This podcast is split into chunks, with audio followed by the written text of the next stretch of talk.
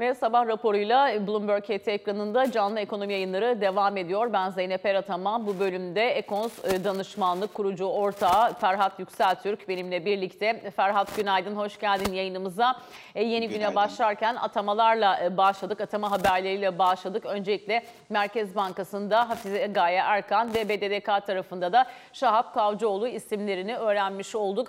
E, Bu süreçte öncelikle istersen para politikası tarafından başlayalım. Nasıl bir beklenti içinde olursun diye soracağım. E, Çünkü e, para politikasında özellikle e, ana faiz, politika faizi tarafında e, ciddi artırım beklentileri var yabancı yatırım bankalarının. E, 22 Haziran'da yeni başkan e, başkanlığında yapılacak bir toplantı var. E, Neler beklersin buradan? Günaydın öncelikle. Ee, tabii şimdi burada e, son atamalar piyasaların uzunca bir süredir bekledi. İşte e, Sayın Hafize Hanım'ın e, ataması uzun süredir bekleniyordu. Yani bir iki haftadır. Onun gerçekleşmiş olması olumlu. Fakat tabii burada e, para politikası üzerindeki belirsizlik halen kuvvetli. Çünkü e, şu ana kadar o yönde herhangi bir mesaj yönlendirme şeklinde de olsa bir görüş alamadık ekonomi yönetiminden. Bu açıdan da beklentiler çok fazla ayrışmış vaziyette. İşte 25 bekleyen var, 30 bekleyen var, e, biraz daha düşük ol- olması yönünde bekleyen var. E, Şu anda para politikası konusundaki belirsizlik hat safhada. E, Tabii para politikası ne kadar mevcuttaki piyasa faizlerine yakınsayacak e, onu önümüzdeki toplantıda göreceğiz ve ona göre de bence piyasa yönünü çizmeye çalışacaktır. Şu anda işte mevduat faizlerinin %30'un üzeri bandına oturduğunu biliyoruz. Bu açıdan da para politikası faizinin en azından buna yakınsaması gerektiğini biliyoruz. Çünkü mevcut durumda zaten para politikasının faiz oranının çok bir işlevselliği kalmadı piyasa açısından, yönlendirici olması açısından. Burada para politikasının tekrardan yönlendirici hale gelebilmesi için en azından piyasa faizlerinin önüne geçmesi ya da ona yakınsıyor olması ve bundan sonrası için de belli bir yönlendirmeyle para politikası patikasının ne olacağının bize söyleniyor olması gerekiyor ki gerçekten biz burada artık etkin bir para politikası ve dezenflasyon süresine, sürecine geçtik diyelim. Fakat şu andaki görüntü halen o konuda muallak. Muallakta da kalmaya devam ediyor. Burada Sayın Şimşek'in de önümüzdeki haftalarda yapacağı açıklamaları piyasa mümkün olduğu kadar e, yani kulaklarını dört açarak e, tabir yerindeyse dinlemeye çalışacaktır. E, ilginç dönemlerden geçiyoruz. Önümüzdeki bir iki haftalık süreç bence yılın geri kalanı açısından oldukça kritik olacak. Şimdi e, burada tabii hani farklı senaryolar üretmeye çalışacak olursak tabii ki ne karar geleceğini hiçbirimiz bilmiyoruz. O gün orada olmak lazım bilmek için ama işte Şimşek'in gelmiş olması, üzerine atamaların başlamış olması e, ekonomi politikalarında bir U dönüşü beklentisini de beraberinde getirdi. Biraz daha geleneksel politikalara. E, dolayısıyla mesela ilk toplantıda sana göre daha ılımlı bir faiz artırımı ve devamının geleceği mesajı mı olur? Yoksa önden yüklemeli kuvvetli bir faiz artırımı olursa e, bunu piyasa nasıl okur? Atıyorum pas geçerse nasıl okur? Böyle farklı senaryolar üstünden biraz gidelim mi Ferhat? Tabii. Şimdi öncelikle pas geçerse nasıl okur diye bakmak lazım. Eğer pas geçerse biz aslında bu seçim öncesi politikanın devam ettirileceğini algısını ediniriz. Bu da tabii e, kurlar üzerindeki baskının devam etmesi ve buna bağlı olarak da işte mevcuttaki o mikro yönetim diye tabir ettiğimiz makro ihtiyati araçların işte bankalar üzerinde, krediler üzerinde kullanıldığı dönemin devam edeceği şeklinde bir algı oluşur. Burada yabancı girişi beklememek gerekiyor tabii böyle bir pozisyonda. Çünkü biz bir buçuk iki yıldır bu politikayı uyguluyoruz ve herhangi bir yabancı girişi de görmedik. Bundan sonra da bu politika devam ettiği sürece çok fazla görebileceğimizi ben düşünmüyorum. ılımlı artırıp sonrası dönemde artırma şeklinde bir mesaj gelirse burada piyasa ilk etapta çok aşırı olumsuz karşılamayacaktır. Fakat yine de bu sonraki artış süreci ne şekilde olacak? Ee, Yani bunun yol, ad- yol adımları nasıl olacak? Buna bakacaktır. Ee, Burada verilen mesajlar önemli olacaktır.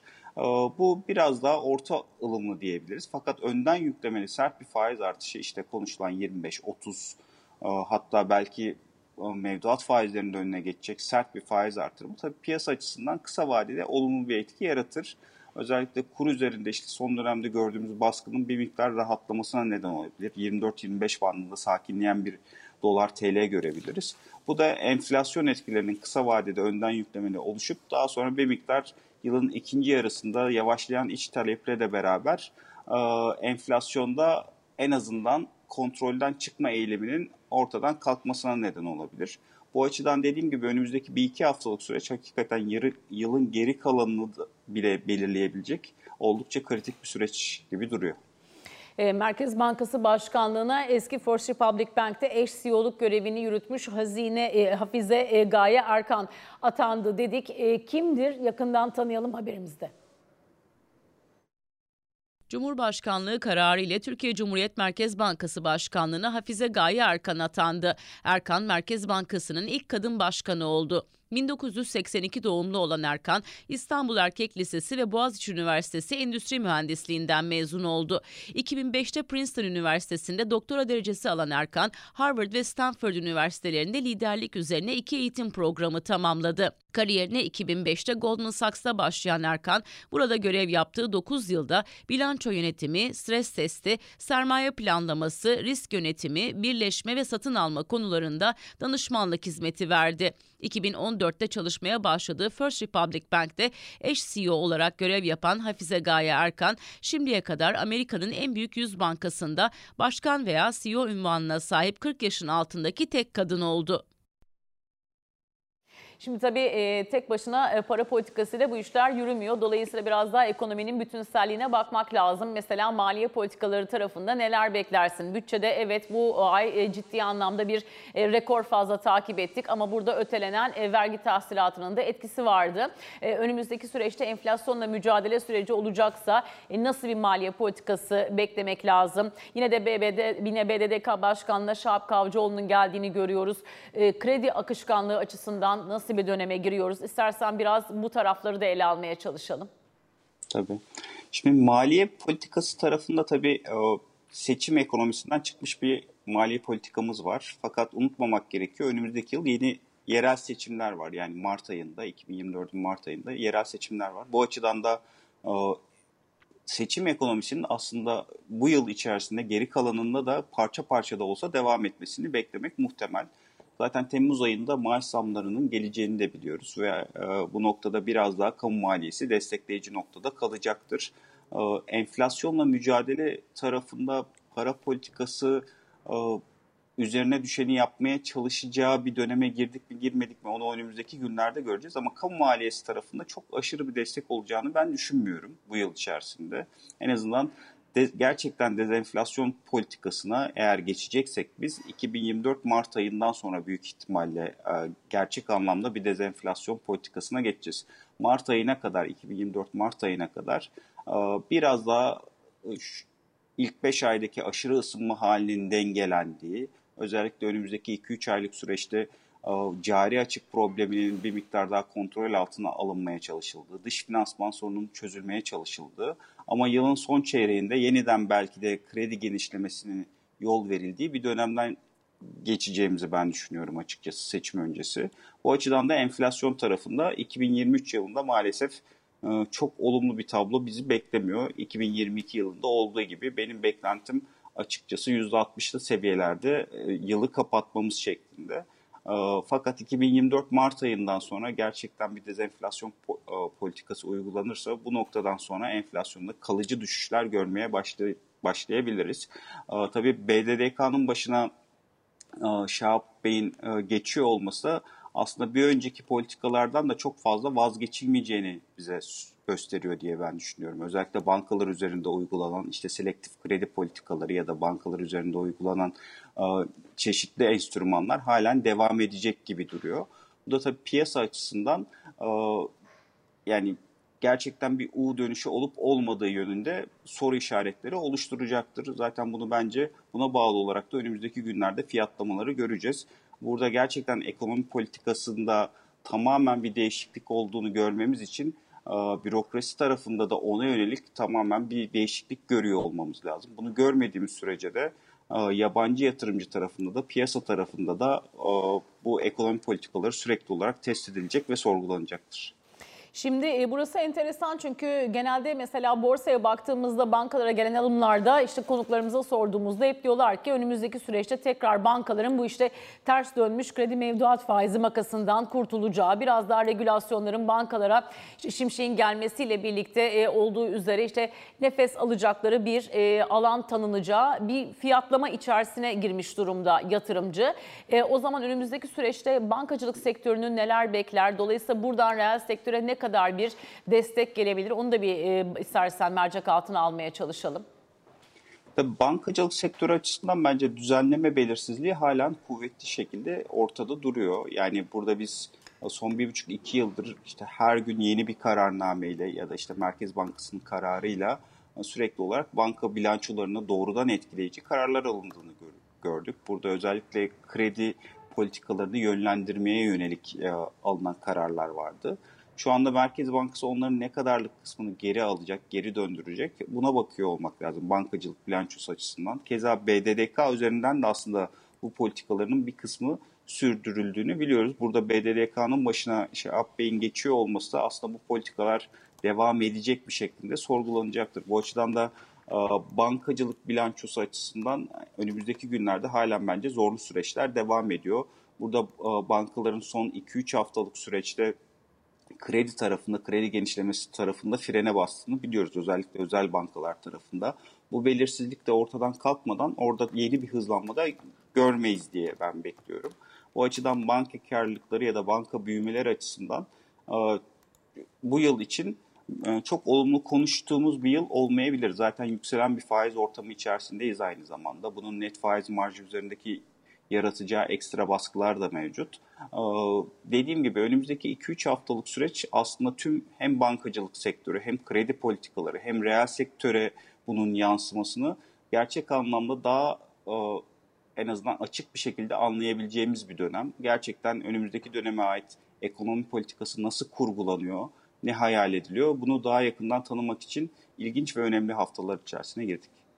Şimdi az önce sen konuşurken banka endeksini de arkadaşlarımız ekrana getirdiler. Özellikle seçim sürecinde ve sonrasında burada ciddi anlamda yükselişler olduğunu takip ettik. İstanbul Portföy Yönetici Ortağı Turgay Ozaner, Mehmet Şimşek'in Hazine ve Maliye Bakanlığı'na gelmesinin piyasa için güven kaynağı olduğunu, artık hisse senedinde %50'nin üzerinde bir pozisyon taşınabileceğini söyledi. Detaylarını paylaşacağız.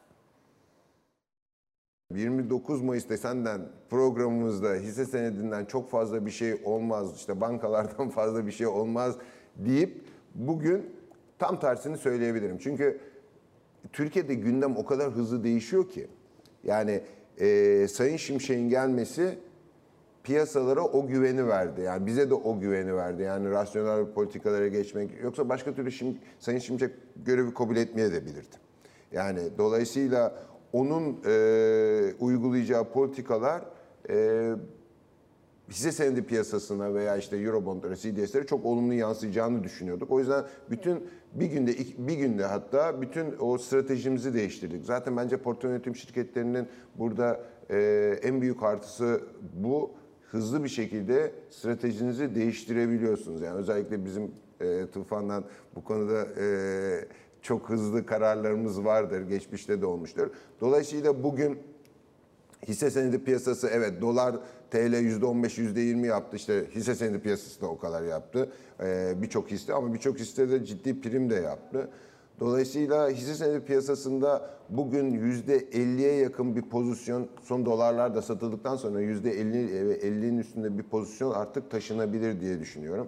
Sıralamada yani şey sıralaması olarak söylemiyorum bunu ilk 1 2 3 ama önce yani bankalar, ihracatçı şirketler ve bir süre sonra da tabii enflasyonist bir ortam yani enflasyon aşağı hızlı gelmeyeceği için perakendeci şirketler e, dolayısıyla bunlar üçü e, endeksi bir şekilde geçebilir diye düşünüyorum.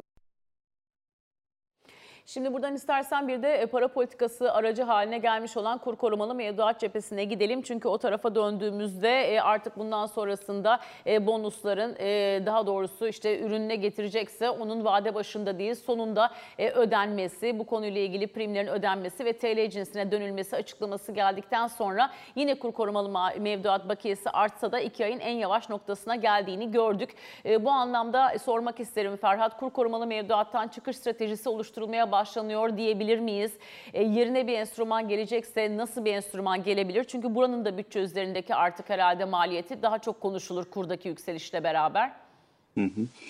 Yani kur korumalı mevduatla ben açıkçası en azından çok kısa vadede çıkılabileceğini düşünmüyorum. Bir çıkış stratejisi de kısa vadede oluşturulabileceğini çok fazla düşünmüyorum. Çünkü orada hakikaten önemli bir bakiye birikmiş vaziyette ve bu bakiyenin oradan çıkıp e, en azından bir kısmının tekrardan dövize talebi olarak yönleniyor olması tabii şu andaki mevcut kur seviyelerinin çok hızlı e, yukarıya gitmesine neden olacağı için burada bence çok fazla bir çıkış stratejisi kısa vadede yok. Burada çıkış stratejisi ne zaman oluşturulabilir? Bence gerçekten bir dezenflasyon programı oluşturulduktan sonra bu, bunun içinde Türk lirası özelinde reel faiz politikasının pozitif reel faiz politikasının tekrar geçiliyor olması, iç talebi baskılayıcı politikaların ortaya çıkıyor olması ve buna bağlı olarak da enflasyon beklentilerinin orta uzun vadede düşüyor olması lazım.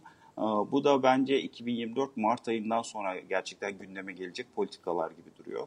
Bu açıdan ben kısa vadede en azından 2023'ün geri kalan döneminde ya da 2024'ün ilk çeyreğinde böyle bir politika çerçevesi oluşturulmayacağını düşünüyorum.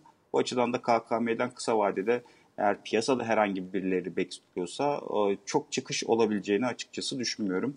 E, beklememek de gerekiyor. Yani ekonomi gerçeklerine de mevcuttaki piyasa gerçeklerine de bir miktar uzak bir beklenti olur.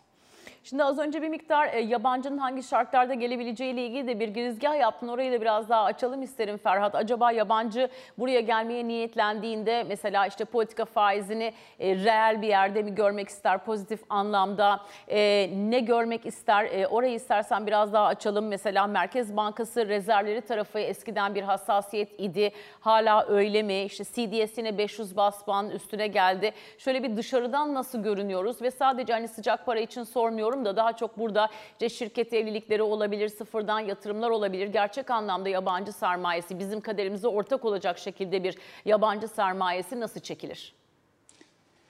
Tabii yabancı sermaye açısından bir birinci öncelik öngörülebilirlik. Ee, biz uzunca bir süredir bu öngörülebilirliği kaybetmiştik ekonomi politikası özelinde. Çünkü ekonomi politikasında ve para politikasında sürekli olarak günlük kararlarla ilerlemeye başlamıştık. Ee, dezenflasyon patikasına hiçbir zaman girmedik. Enflasyonla mücadele politikasını da çok fazla kullanmadık maalesef. Tabii bu da öngörülebilirliği azalttı. Yabancı sermaye açısından da yani özellikle bu e, doğrudan yatırım diye tabir ettiğimiz gelip yatırım yapacak firmalar açısından da tabii sizin mevcuttaki fizibiliteleriniz, işte kurunuzun daha en azından görece stabil olduğu, enflasyon oranlarınızın öngörülebilir olduğu bir ortam. Fizibilite yapmanız açısından ve burada yatırdığınızda ne kazanabileceğinizi en azından tahmin etmeniz açısından önemli unsurlar. Fakat Türkiye'de son bir buçuk iki yıldır bu tarafta bir bozulma var. Buna bağlı olarak da aslında yabancı yatırımcı girmek istemiyor. Keza CDS'lerin yükseliyor olması finansman maliyetlerini oldukça yukarı seviyelere getirmiş durumda. Bizim bunları iyileştiriyor yani yatırım iklimini iyileştiriyor olmamız lazım. Yatırım iklimini iyileştiriyor olabilmemiz için de tabii dezenflasyon e, programını gerçekten e, disiplinli bir şekilde uygulamak lazım. Daha önceki yıllarda yaptığımız gibi 2000'li yılların başında yaptığımız gibi öngörülebilirliği artırıyor olmamız lazım. E, bu politikalara geçmediğimiz sürece de hani yabancı yatırımcı girişinde çok fazla bir artış beklememek gerekiyor. İşte gayrimenkul üzerinden bir giriş tabii ki var ne zamandır işte bu vatandaşlık nedeniyle. Fakat o gerçek anlamda uzun vadeli yatırımcı işte sanayi tarafına yatırımcı ya da şirket evlilikleri yönündeki yatırımcı çok fazla gelmiyor maalesef. Portföy tarafında da keza aynı şekilde aslında portföyde de uzun vadeli yatırımcı diye tabir ettiğimiz long only fonlar yani gelip gerçekten sizin hisse senetinizde ya da tahvil piyasanızda, uzun vadeli tahvil piyasanızda pozisyon alıp uzun süre portföylerinde tutan fonlar açısından da Türkiye cazibesini yitirdi. Ee, burada giriş kanallarında da özellikle swap tarafında getirilen kısıtlamalar kendilerini koru, koruyarak girme yönün, önündeki en büyük engeller olarak halen orada duruyor. O politikaların da değişmesi gerekiyor. Aslında tam anlamıyla bir ekonomi e, politikası e, çerçevesinde bir paradigma değişimine ihtiyaç var bunun tekrardan yaşanması için. Şu anda piyasa bunu test ediyor. Acaba olacak mı olmayacak mı? Dediğim gibi önümüzdeki bir iki hafta bu yönde en azından bize emareler verecektir. Ee, bugünkü atamalar bir miktar olumlu, bir miktar halen eskinin de devam edeceği beklentisini oluşturdu. Önümüzdeki günlerde o yeni atamalar ve alınacak kararlar, açıklamalar biraz daha yol gösterici olacaktır diye düşünüyorum. Marmara Üniversitesi öğretim üyesi Profesör Doktor Burak Arzova da e, yine Mehmet Şimşek'in e, atanmış olmasının önemli olduğuna işaret etmişti. Para politikası konusunda özellikle kendisine tanınacak manevra alanında önemseneceğine işaret etmişti. Yorumu paylaşalım. Mehmet Şimşek'in özellikle İngilizce olarak yurt dışına da vermiş olmaya çalıştığı mesajda ekip arkadaşlarının oluşturduğunu, e, daha farklı bir politika izleyebileceği yönündeki e, temel adımların atıldığını anlamaya çalıştık, anladık. Ve dolayısıyla e, oradan da görebildiğimiz gene kurumsal yapının Türkiye'de tekrar inşa edilmeye çalışılacağı, burada en önemli konulardan bir tanesi Merkez Bankası Başkanı'nın ve oradaki para politikası kurulu üyelerinin kimlerden oluşacağı, burada muhtemelen önümüzdeki dönemde eğer kendilerine bu yetki alanı Sayın Cumhurbaşkanı tarafından tanındıysa faiz artışları da gelecektir. Ve dolayısıyla bu faiz artışları süreci e, Türkiye'de bir parça daha normalleşme, e, fiyat denge mekanizmasının kurulması ve bundan sonraki süreçte e, kademeli olarak yabancı yatırımcılara Türkiye'nin açılması, swap hatlarının özellikle TL swapların açılmasına doğru bizi taşıyabilir. Ama burada e, hiç bilinemeyen ya da öngörülemeyen konu kendilerine ne kadarlık bir e, alan tanındığı, kurumların e, tekrardan bu reorganizasyonu sürecinde özellikle Merkez Bankası bağımsızlığı konusu gündeme geldiğinde bunun anayasal bir güvenceye kazanıp, kazanıp kazanmayacağı, bu e, anayasal güvencenin e, sınırlarının hangi konularla e, olacağı, e, gene Sayın Cumhurbaşkanı'nın burada bir görevden alma sürecinin olup olmayacağı gibi temel konular önem kazanacaktır. Bir de tabii önümüzdeki dönemlerde özellikle hani bizim çok Türkçe'de aslında çok iyi kavrayan bunu e, hani aynesi diş değildir kişinin e, iştir kişinin lafa bakılmaz sözü çok önemli olacak. E, bunları takip edeceğiz. Ama genel hava e, vermeye çalışılan imaj e, artık e, daha önceki politikalar olarak e, adlandırdığımız Türkiye ekonomi modelinin politikalarından kademeli olarak bir U dönüşünün olacağı yönünde. Ve son soruda istersen e, biraz yurt dışından bahsedelim. E, dün gelen Amerika'daki veri istihdam piyasasında bir miktar soğumaya işaret etti. E, daha çok piyasa Haziran'ı pas geçer, Temmuz'da faiz artırır Fed şeklinde bir fiyatlamaya dönüştü. Ama biz Fed'den buna pek alışık değiliz. Faizi artırırsa seri halinde artırır, indirirse seri halinde indirir, bilançosunu ona göre ayarlar diye tanıdığımız bir Amerikan Merkez Bankası var karşımızda. Sen Haziran toplantısından gelecek hafta Fed'den neler beklersin? Çünkü yurt dışına doların gidişi gidişatı içinde gelecek hafta ayın 12'sinde gelecek Amerikan enflasyon verisi ve peşi sıra gelecek FED toplantısı tabii önemli olacak.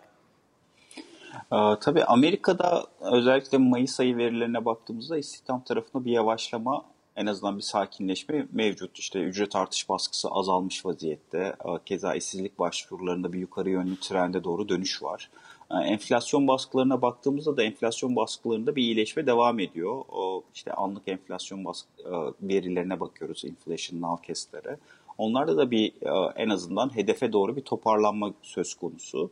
Bunlar Fed açısından olumlu göstergeler. Burada e, yani son toplantıda verilen mesajlar ve gelen o aradaki gelen veriler şu andaki görüntü Haziran ayının sanki pas geçileceği şeklinde.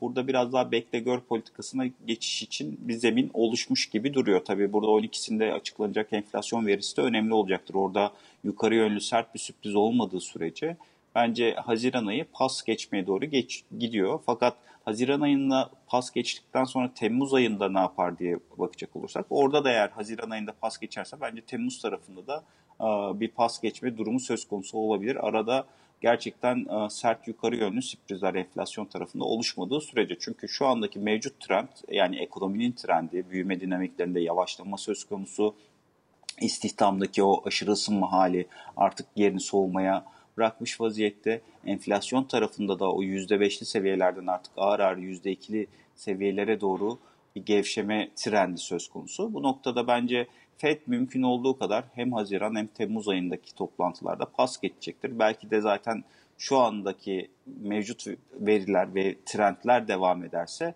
e, faiz artırım sürecinin döngüsünün artık sonuna geldiğimizde de konuşuyor olabiliriz. Ama burada faiz indirimi için bence oldukça uzun bir süre bekliyor olacağız. Yani 2024'ün belki de ikinci yarısına kadar herhangi bir faiz indiriminden kolay kolay bahsetmeyecek bir Fed olabilir. Takip edeceğiz. Şüphesiz çok çok teşekkür ederiz bu sabahki Ben değerli yorumların için Ekons Danışmanlık kurucu ortağı Ferhat Yükseltürk. Kısa bir reklam arası verelim ardından sabah raporu devam edecek.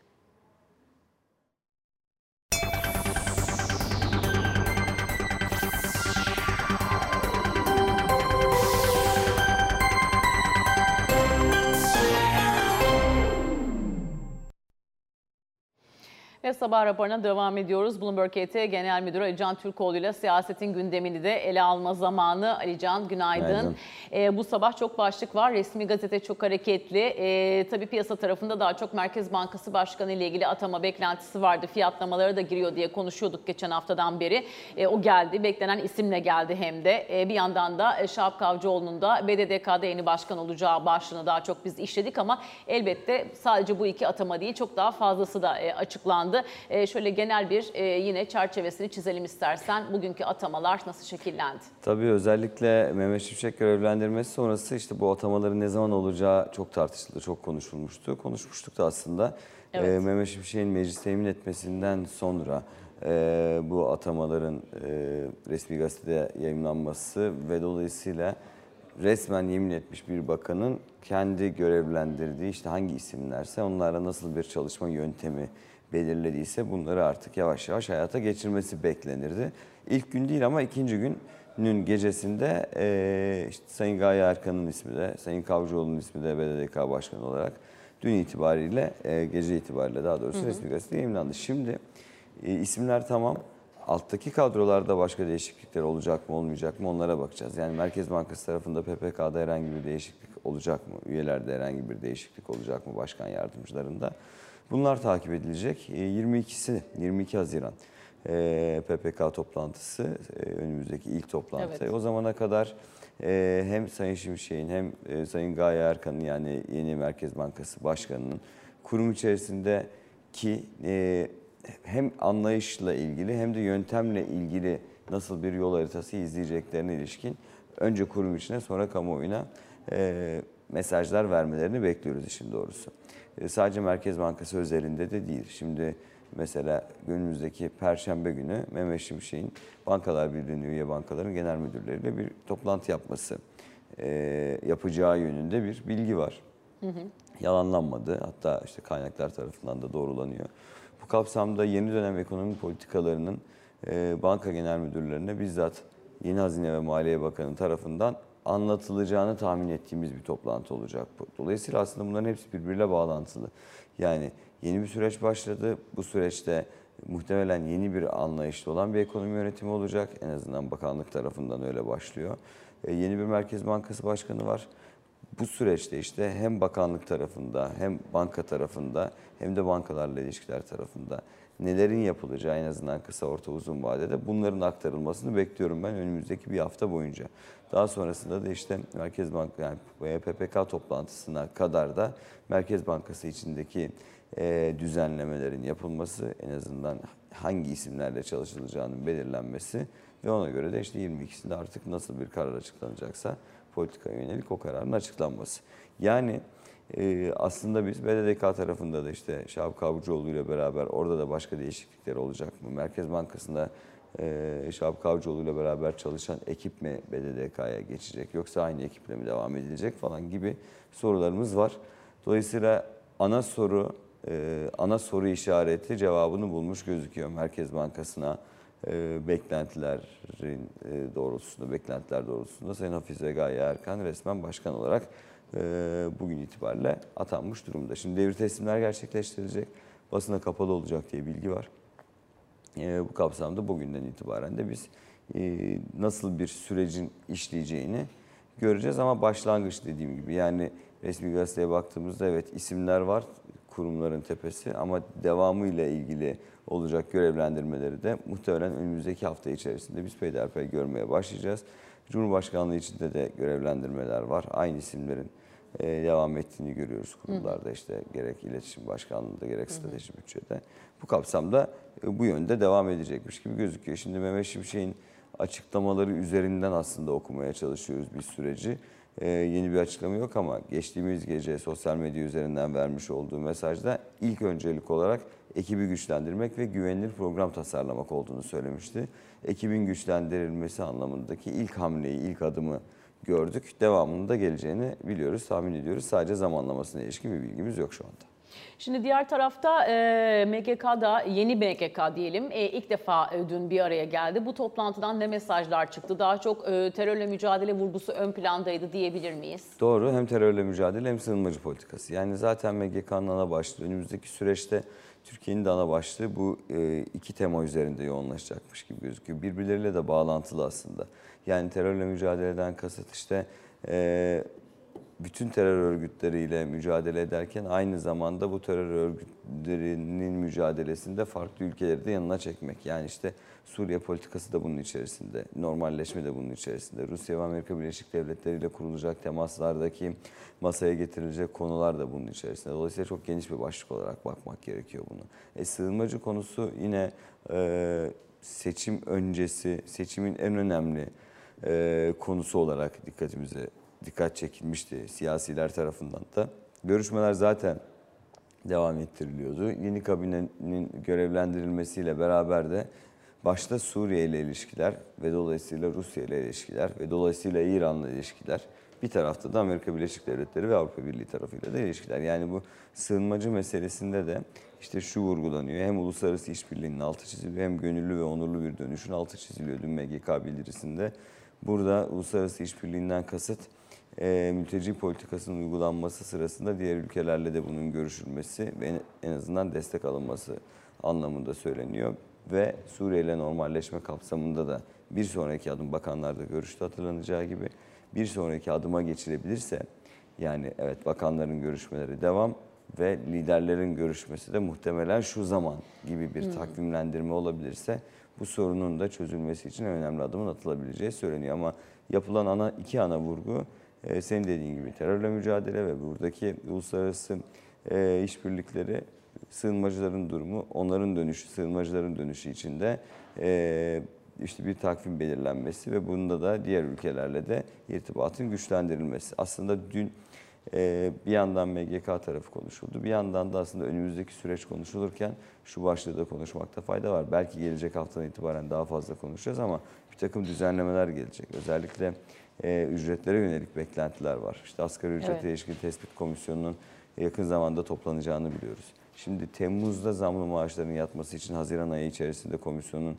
toplantılarını tamamlaması gerekiyor ama bu yetişmeyebilir bayram da geleceği için araya. Dolayısıyla benim beklentim e, zamlı maaşların Ağustos ayında alınması. Dolayısıyla Temmuz ayı içerisinde de tüm bu e, toplantıların, asgari ücret tespit komisyonu toplantılarının da tamamlanması, aynı zamanda mecliste de yürütülmesi gereken bazı müzakereler var. İşte en düşük memur maaşının yükseltilmesi gündemde, memur ve emeklilere maaş zammı dışında refah payı verilmesi gündemde. Tüm bunlara ilişkin düzenlemeler, yasal düzenlemeler yapılması gerekiyor. E, meclis 15 Temmuz'a kadar çalışacak. 15 Temmuz'da tatile girecek. Muhtemelen o süre içerisinde yani 15 Temmuz'a kadar olan süre içerisinde hem mecliste az önce baş, başlıklarını saydığım konularla ilgili görüşmelerin hem de asgari ücret tespit komisyonunun görüşmelerini tamamlaması ve Temmuz ayı içerisinde de bu açıklamaların hükümet tarafından yapılmasını bekliyorum. Evet. Bir yandan da NATO süreci var İsveç ile ilgili.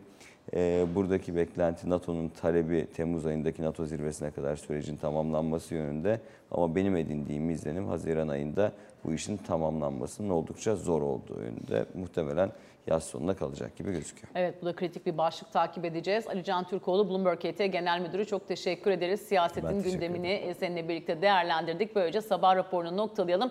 9.45'te piyasa masasında tekrar buluşalım. Hoşçakalın.